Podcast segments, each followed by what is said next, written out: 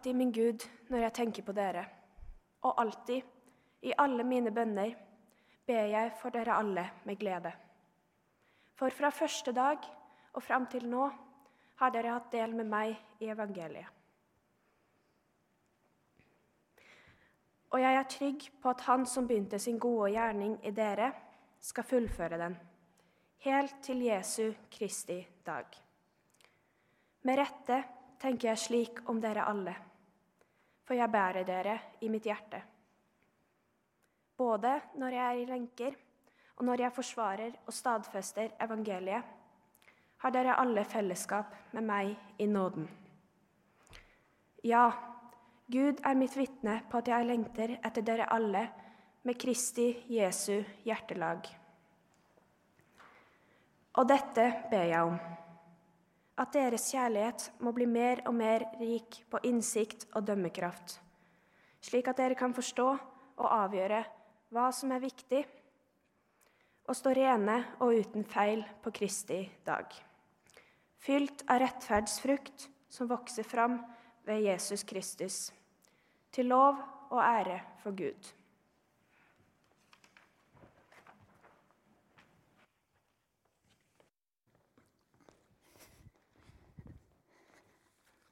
Tusen takk, Sigrid, for en flott lesing av teksten. Eh, velkommen, alle sammen. Det er godt å se dere. Eh, veldig godt å være her og høre dere synge.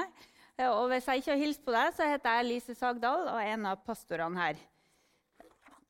I dag så starter vi altså denne taleserien som Ingebrigt har fortalt om. og vi har denne, skal vi se om Hvor jeg la bibelleseplanen? Det var så mye andre ark her oppe. Den her. Elisabeth Helgøy har tegna, bare så det er sagt med det samme. Jeg skal ikke snakke om apostelgjerningene, men den teksten som vi hadde, den er jo eh, Paulus sin tekst, og vi skal lære masse om Paulus de neste ukene. Eh, vi skal altså se på den tida etter Jesu oppstandelse, de første tiårene. Hva skjedde med de menneskene? Og gå inn i de fortellingene. Eh, håper at dere vil være med og lese daglig, men også komme på gudstjenestene og høre på. Så skal vi grave litt i fortellinger som mange av oss ikke har sett på på lenge. Ingebrigt og Elisabeth gjorde jo en, et fint nummer av visjonen. Men sammen med Jesus ut til mennesker. Vi må minne oss om det, at det er det det handler om. Vi vil være sammen med Jesus og bli kjent med han, og vi vil fortelle andre om hvem han er. og dele det vi har sett. Så uansett hvor godt du kjenner Jesus, eller hvor nær Jesus føles, så er du hjertelig velkommen hit. Noen av de fineste sommerminnene mine de har jeg fra Riise i Vesterålen, der mamma kommer fra. Her er to bilder. Til venstre er det meg og søsknene mine i båt. Og til høyre er det utsikta ned på gården der mormor øh, far, øh, altså, Vi kalte dem mor og far, men min mormor og morfar. Eh, så det der er tatt fra fjellet oppafor gården. Og så ser dere ei bukt midt i bildet. gjør dere det? En sånn liten fjord. Eh, Nedi den bukta så brukte vi å leke i båt. Og Dette var på 70-tallet, når foreldrene slapp unger ut i båt.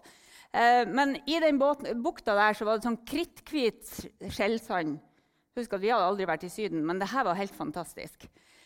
Eh, vi tok ut båten i den bukta der, og så kunne vi se på flyndre og fiske og kose oss inni der. Det var stille og nydelig. Men utafor det neset der, utafor bukta, der var det noe helt annet. Der kunne båten drive mange hundre meter på noen få minutter hvis vi ikke hadde årene nedi og passa på å ro. Så på blikkstille sommerdager, når du tror at båten skal ligge i ro, så dreges han innover i fjorden. Og når det var bølger, så var det jo enda verre. Båter som ikke er festa til et anker, de driver.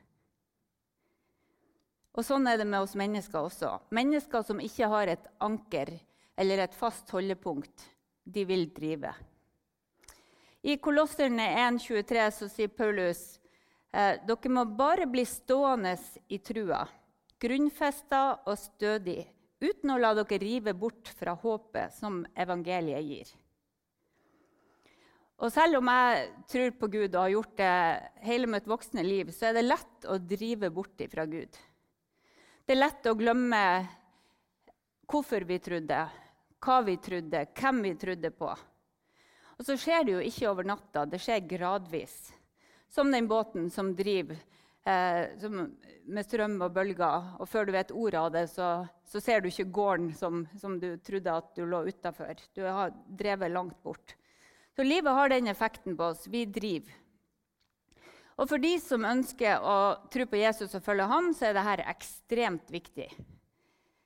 Ja, jeg tror det er viktig for alle mennesker. Hvis du vil leve et målretta eller meningsfullt liv, så tror jeg det er viktig å vite det, at vi kommer til å drive hvis vi ikke holder fast på det vi tror er det viktigste. Teologen Don Carson eh, han er ganske kjent, har jeg skjønt etter hvert. Han har skrevet om det her med å drive, og hvor man havner når man driver. Og jeg skal vise dere et sitat som vi leste i eh, jeg kom over det i vår, og vi har snakka mye om det i Eldsterådet og staben. Det er et, et, et, sitat som utfordrer meg veldig. Eh, det er nesten ubehagelig tydelig. Så det er vel antagelig ikke noe jeg ville ha sagt i en samtale. Men dere tåler jo en utfordring, så jeg tenkte jeg skulle vise dere det eh, sitatet. Og dette er det Don Carson sier. Han sier folk driver ikke mot det hellige. Folk trekkes ikke mot gudfryktighet og bønn og lydighet til Guds ord til tru og glede i Herren. Nei, vi driver mot kompromisser og kaller det toleranse. Vi driver mot ulydighet og kaller det frihet. Vi driver mot overtru og kaller det tru. Vi nyter å gi fra oss selvkontrollen, og vi kaller det for avslapping. Vi driver mot mindre bønn og lurer oss sjøl til å tro at vi har sluppet fri fra legalisme og sånn regelstyrt liv. Vi glir mot gudløshet og overbeviser oss om at vi er blitt frigjort. Kjenner du deg igjen? Jeg gjør det. Eh, for jeg har gått i denne fella mange ganger. At jeg skal finne min egen vei.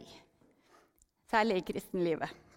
Jeg skal ikke la meg binde av hva alle sa jeg skulle gjøre. Jeg skal finne min egen vei. Og så blir det gradvis mindre av de gamle vanene som bibellesing og tid med Gud i bønn, mindre fellesskap med andre som ønsker å følge Jesus. Og I stedet så fyller jeg livet mitt med arbeid og ansvar, aktiviteter og prosjekter. Og det aller meste av det er jo godt i seg sjøl, men så blir det mange raske bønner til Gud om hjelp. Jeg tenker at eh, altså, Tempoet øker, og så tenker jeg at Gud henger jo med. Og han gjør jo det. Sant? Gud henger jo med. Men så tappes livet mitt for liv, og Gud føles fjernere, og andre stemmer blir tydeligere. Og så lar jeg meg plutselig overbevise av dem som sier noe helt annet enn det Gud sier. Og så glemmer jeg at Jesus kaller meg til å følge seg. Kallet vårt er ikke bare å like Jesus, men det er å bli lik Jesus. Vi skal ikke bare like Jesus, vi skal bli lik Jesus. Og det er en kjempeforskjell på de to. Jesus sa, 'Følg meg'. Og det betyr å bli som han og gjøre det som han gjør.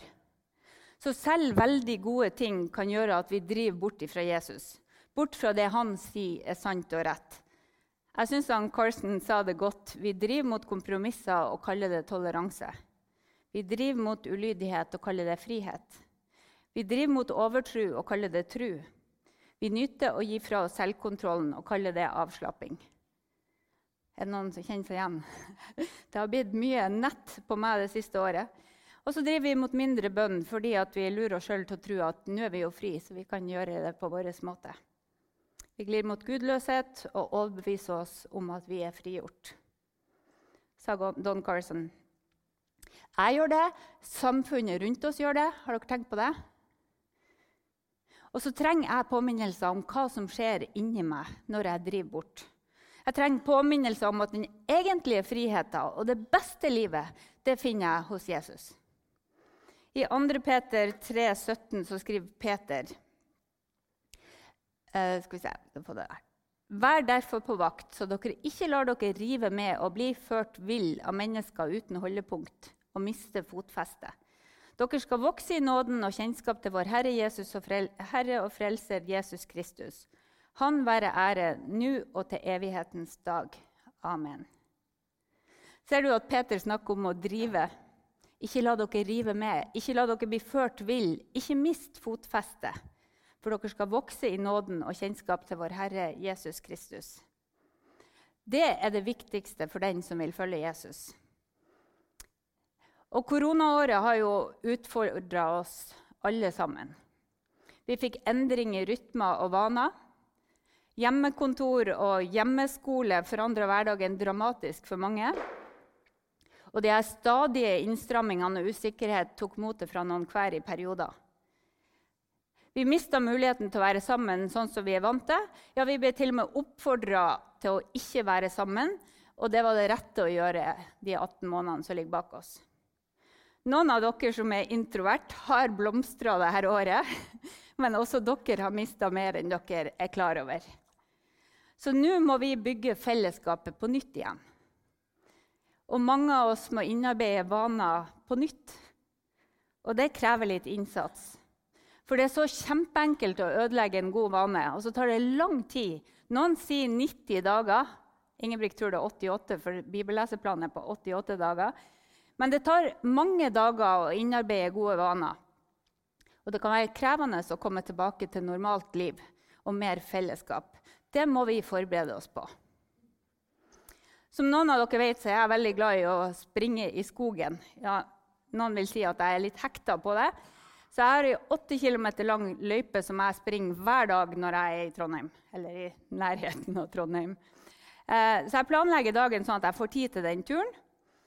Og 17. juni, uka før ferien, så var det nydelig vær. Og så tenkte jeg nå skal jeg skvise inn løpetur mellom møter på formiddagen og møter på ettermiddagen. Jeg visste at det var litt kort tid til en løpetur, så tempoet var litt høyere enn det bør være. Og jeg tenkte faktisk der jeg sprang nedover bakken Oi, så god form jeg er! Før jeg snubla og stupte fremover, nedover i stor eh, fart. Og kroppen fløy flere meter, og jeg landa skikkelig hardt i grus og stein. Det endte med luftambulanse på, til St. Olav. Det var jo faktisk oppsida av historien. da. Men der fant jeg ut at jeg hadde brukket armen og skuldra, et ribbein, og jeg hadde skrubbsår overalt. Eh, så når morfin forlot kroppen, så var det innmari vondt. Eh, du kan ikke gipse sånne brudd. Du skal bare holde dem i ro, og så må du passe på å bruke skuldra di. Liksom, ja, det var lett. Jeg kom hjem, jeg kunne ikke komme ut og inn av senga. Jeg trengte hjelp til absolutt ingenting. Nei, absolutt alt. Um, kunne ingenting. Alle sommerplaner ble skrinlagt. Alle vaner, alle gode rytmer. Ut vinduet. Jeg så ufattelig mye dårlig TV. Uh, og når jeg kom meg litt, så skulle jeg begynne med de her øvelsene og bevege armen og slenge på armen. Og, og så, Nå er jeg mye bedre, men skulderen er fortsatt vond. Og nå må jeg gjøre sånne øvelser som det her. Og så skal armen opp så langt over hodet som det går. Og det går bare hit, og det er litt trasig. Um, men jeg har lest meg opp og funnet ut hva som skal til for å bli helt bra. Det er daglige øvelser og trening. Så skal det gjøre passe vondt. Styrkeøvelser kan ta lang tid. Tre måneder, seks måneder. Noen sier at du kan godt ha vondt et helt år. Det er ganske vanlig.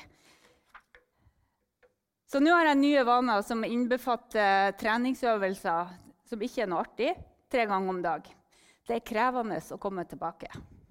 Og så er det jo ikke synd på meg, for dette var jo bare ett uhell. Jeg vet dere har hatt ulykker, uhell, sorg, tap, begravelser. Sånn er jo aldri planlagt. Jeg vet at uh, livet kan være krevende for oss alle. Og så kan det være, være sånn at for å komme tilbake etter en nedtur, sånn som korona har vært så kan det hende vi må prioritere det ubehagelige og det kjedelige for å få et bedre resultat senere. Det krever at vi viser ansvar og innsats. Så hvis du har opplevd at du har drevet bort fra Jesus denne sommeren eller det siste halvannet året, så er det fullt mulig å komme tilbake. En benediktermunk det er et eh, stort ord. Eh, altså En munk av benedikterorden, en som heter Christopher Jameson, han har skrevet en bok som heter 'Lykke'. Eh, og den Boka handler om hva de første munkene og nonnene kan lære oss om oss moderne mennesker om å leve. Eh, og I kapitlet som han har i den boka som heter 'Happy Death', salig død eller lykkelig død, så han, snakker han Jamison om ordet baklengsplanlegging. Og Ideen her er at man begynner med slutten, og så går man bakover. F.eks. fra døden, så går man tilbake til i dag. Eller fra slutten av dagen, og så tenker man tilbake på nå. Og så blir spørsmålet man stiller, hva må gjøres nå for at slutten skal bli sånn som jeg vil? Hva må gjøres nå for at slutten skal bli sånn som jeg vil? Eller hva kommer jeg til å være glad for i kveld at jeg har gjort i dag? Eller hva vil jeg være glad for til nyttår at jeg har gjort i høst? Sånne spørsmål kan hjelpe oss eh, å finne ut hva som er viktig. For det finnes noe som er verdt tida mi, og så er det noe som ikke er verdt den. Så bakleng, baklengsplanlegging er et ord som jeg har lyst til å ta med meg. For det er viktig hvis du skal lede deg sjøl godt. Så når jeg prioriterer de her øvelsene mine for å få tilbake bevegelsen i skuldra, så driver jeg baklengsplanlegging. Det er ingenting som får, gir meg lyst til å holde på med det her. Men jeg vet at resultatet skal bli at skuldra blir god. Så det må jeg bare gjøre. Så hvis vi driver bort fra Jesus og fra fellesskapet med andre som vil følge han, så er det mye vi kan gjøre for å komme tilbake. Og med litt sånn baklengsplanlegging sammen så kan vi finne tilbake til rytmer og vaner som hjelper oss til å leve nærmere Jesus. Og jeg skal ta fire forslag til øvelser. Og så kan det hende at du syns én er nyttig, eller to. Eller kanskje de blir nyttige senere. Um, første er refleksjon. Uh, hvis du driver hvis du kjenner at du har drevet bort fra Jesus, så eh, en, en, en, måte man kan reflektere rundt det, det er å ta frem kalenderen eller bildene på mobilen din og prøve å tenke tilbake. Når begynte jeg å drive? Jeg tror noen havner på 12. mars 2020, men det kan være andre ting. Det kan være at du fikk deg ny jobb, eller at det ble endringer i familien. Kanskje tempoet i livet forandra seg, eller noe trist skjedde. Så ta deg tid til å tenke sammen med Jesus. Når begynte jeg å drive? Og Poenget med dette er at hvis du kjenner deg sjøl og vet hvilke triggere du har, altså hva som får deg til å drive, så vil du kunne gjenkjenne det tidligere og ikke drive så langt. En annen måte å bli kjent med seg sjøl er jo selvfølgelig å gå i samtale og sortere tanker sammen med noen andre. Og dere er hjertelig velkommen til å ta kontakt hvis dere vil snakke med noen eldste eller pastorer i Frikirka. Det neste punktet som jeg har, det er omvendelse. Johannes eh, første brev 1,9 så står det Dersom vi bekjenner våre synder, er Han trufast og rettferdig, så Han tilgir oss syndene og renser oss for all urett. Når vi driver bort fra Jesus, når jeg driver bort fra Jesus, så er det så lett å gi meg sjøl lov til å gjøre akkurat det jeg sjøl vil, og la være å søke Guds vilje. Jeg har opplevd det mange ganger. Jeg søker min egen lykke, og så rasjonaliserer jeg det med at ja, men Gud vil meg jo godt, så han syns sikkert det her er greit. Og Det er jo ofte i de gråsonene. Det er ikke direkte galt, men det er ikke det jeg burde gjort. Eh, og så tenker jeg at Gud er jo glad i meg, og eh, så, glemmer på, så glemmer jeg hva Gud tenkte var det aller beste. Og Heldigvis så gir Jesus oss mulighet til å komme tilbake og legge fra oss alt i daglig om, omvendelse. Han fordømmer oss ikke. Han rekker ut hendene og inviterer oss til å komme med alt det rotet som vi har stelt til. Alt vi er, alt vi gjør. Jeg syns dette bildet fra Godt nytt, Det nye testamentet, som jeg fikk som konfirmant, er så fint. Eh, vi kan komme og legge det fra oss hos Han ved korsets fot. Og vi kan få tilgivelse. Så da må jeg spørre er det noe du har holdt hemmelig. Er det noe du går og bærer på som du skulle ha lagt fra deg? Er det noe som har tatt litt overhånd i livet ditt? Du kan få bekjenne det for Jesus og gjøre opp. Og hvis du vil gå til forbønn, så kan du det etter gudstjenesten. For dersom vi bekjenner våre synder, er Han trufast og rettferdig. Så Han tilgir oss syndene og renser oss for all urett. All urett. Jesus elsker oss uansett omstendigheter, uansett hva som er gjort og sagt. Hos han er det nåde å få. Og hos han er det også hjelp til å komme ut av de her vanskelige mønstrene og de tingene som vi tenker at jeg makter ikke å gjøre noe med det. Guds kraft er større enn vi tror. Og du er ikke alene i kampen mot fristelser, avhengighet og motgang og alt det andre. Jesus vil føre deg gjennom det vanskelige. Eller som det står i Salme 46, 46,2.: Gud er vår tilflukt og vår styrke, en hjelp i nød og alltid nær. Gud er ikke en godværsgud, han er en gud for nød, som er nær. Og Så kommer vi til en øvelse som jeg lurte på om jeg skulle droppe, men den er så nyttig for meg. Hvis du hvis, hvis, du vil altså Hvis du har det litt som meg, så kan det være lett å legge fra, men det kan være vanskelig å la det ligge. Eh, for meg er det faktisk det aller vanskeligste. Jeg, jeg kan legge det fra meg, men så plutselig så har jeg tatt det tilbake. Synd og skam og selvforakt og ikke minst bekymringer. Det er sånn som jeg, jeg legger det ned og tar det tilbake. Og da jeg var på pastorkurs i vår, så snakka vi litt om hva vi sleit med. og Jeg nevnte det her at jeg sliter med å la ting ligge. Og da var det en som eh, ga meg tips om at jeg kunne øve meg med å strekke ut hendene og så slappe av helt i hendene, sånn at fingrene alt slipper taket. Og så be den gamle kveldsbønna i dine hender, Herre Gud, overgir jeg, jeg min ånd. Dette ble en livsviktig øvelse når jeg lå til sengs og ikke klarte noen ting. Alt det jeg hadde lyst til å gjøre, alt det jeg burde gjøre, alt det jeg trengte å gjøre. Så kan vi få lov å legge av oss Gud, og så kan vi få lov å hvile der. Og så kommer jeg til det som en pastor alltid må si, og det er fordi det er så viktig. Hvis du lengter etter å erfare mer av Jesus og kjenne han bedre, så er det Bibel og bønn og nadvær og fellesskap som er eh, resepten. Det er det du trenger.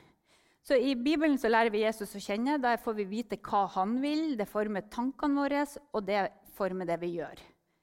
Jeg snakka med Magnus i, i, juni. Han sa det verste med bibellesing er å komme i gang. Når vanen er innarbeida, så er det mye lettere.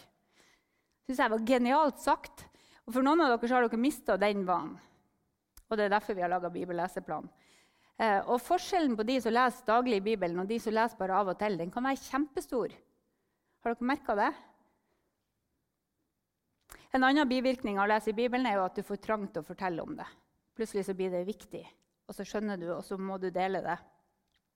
Da jeg gikk siste året på videregående, så begynte mamma plutselig å, å, å lese Bibelen.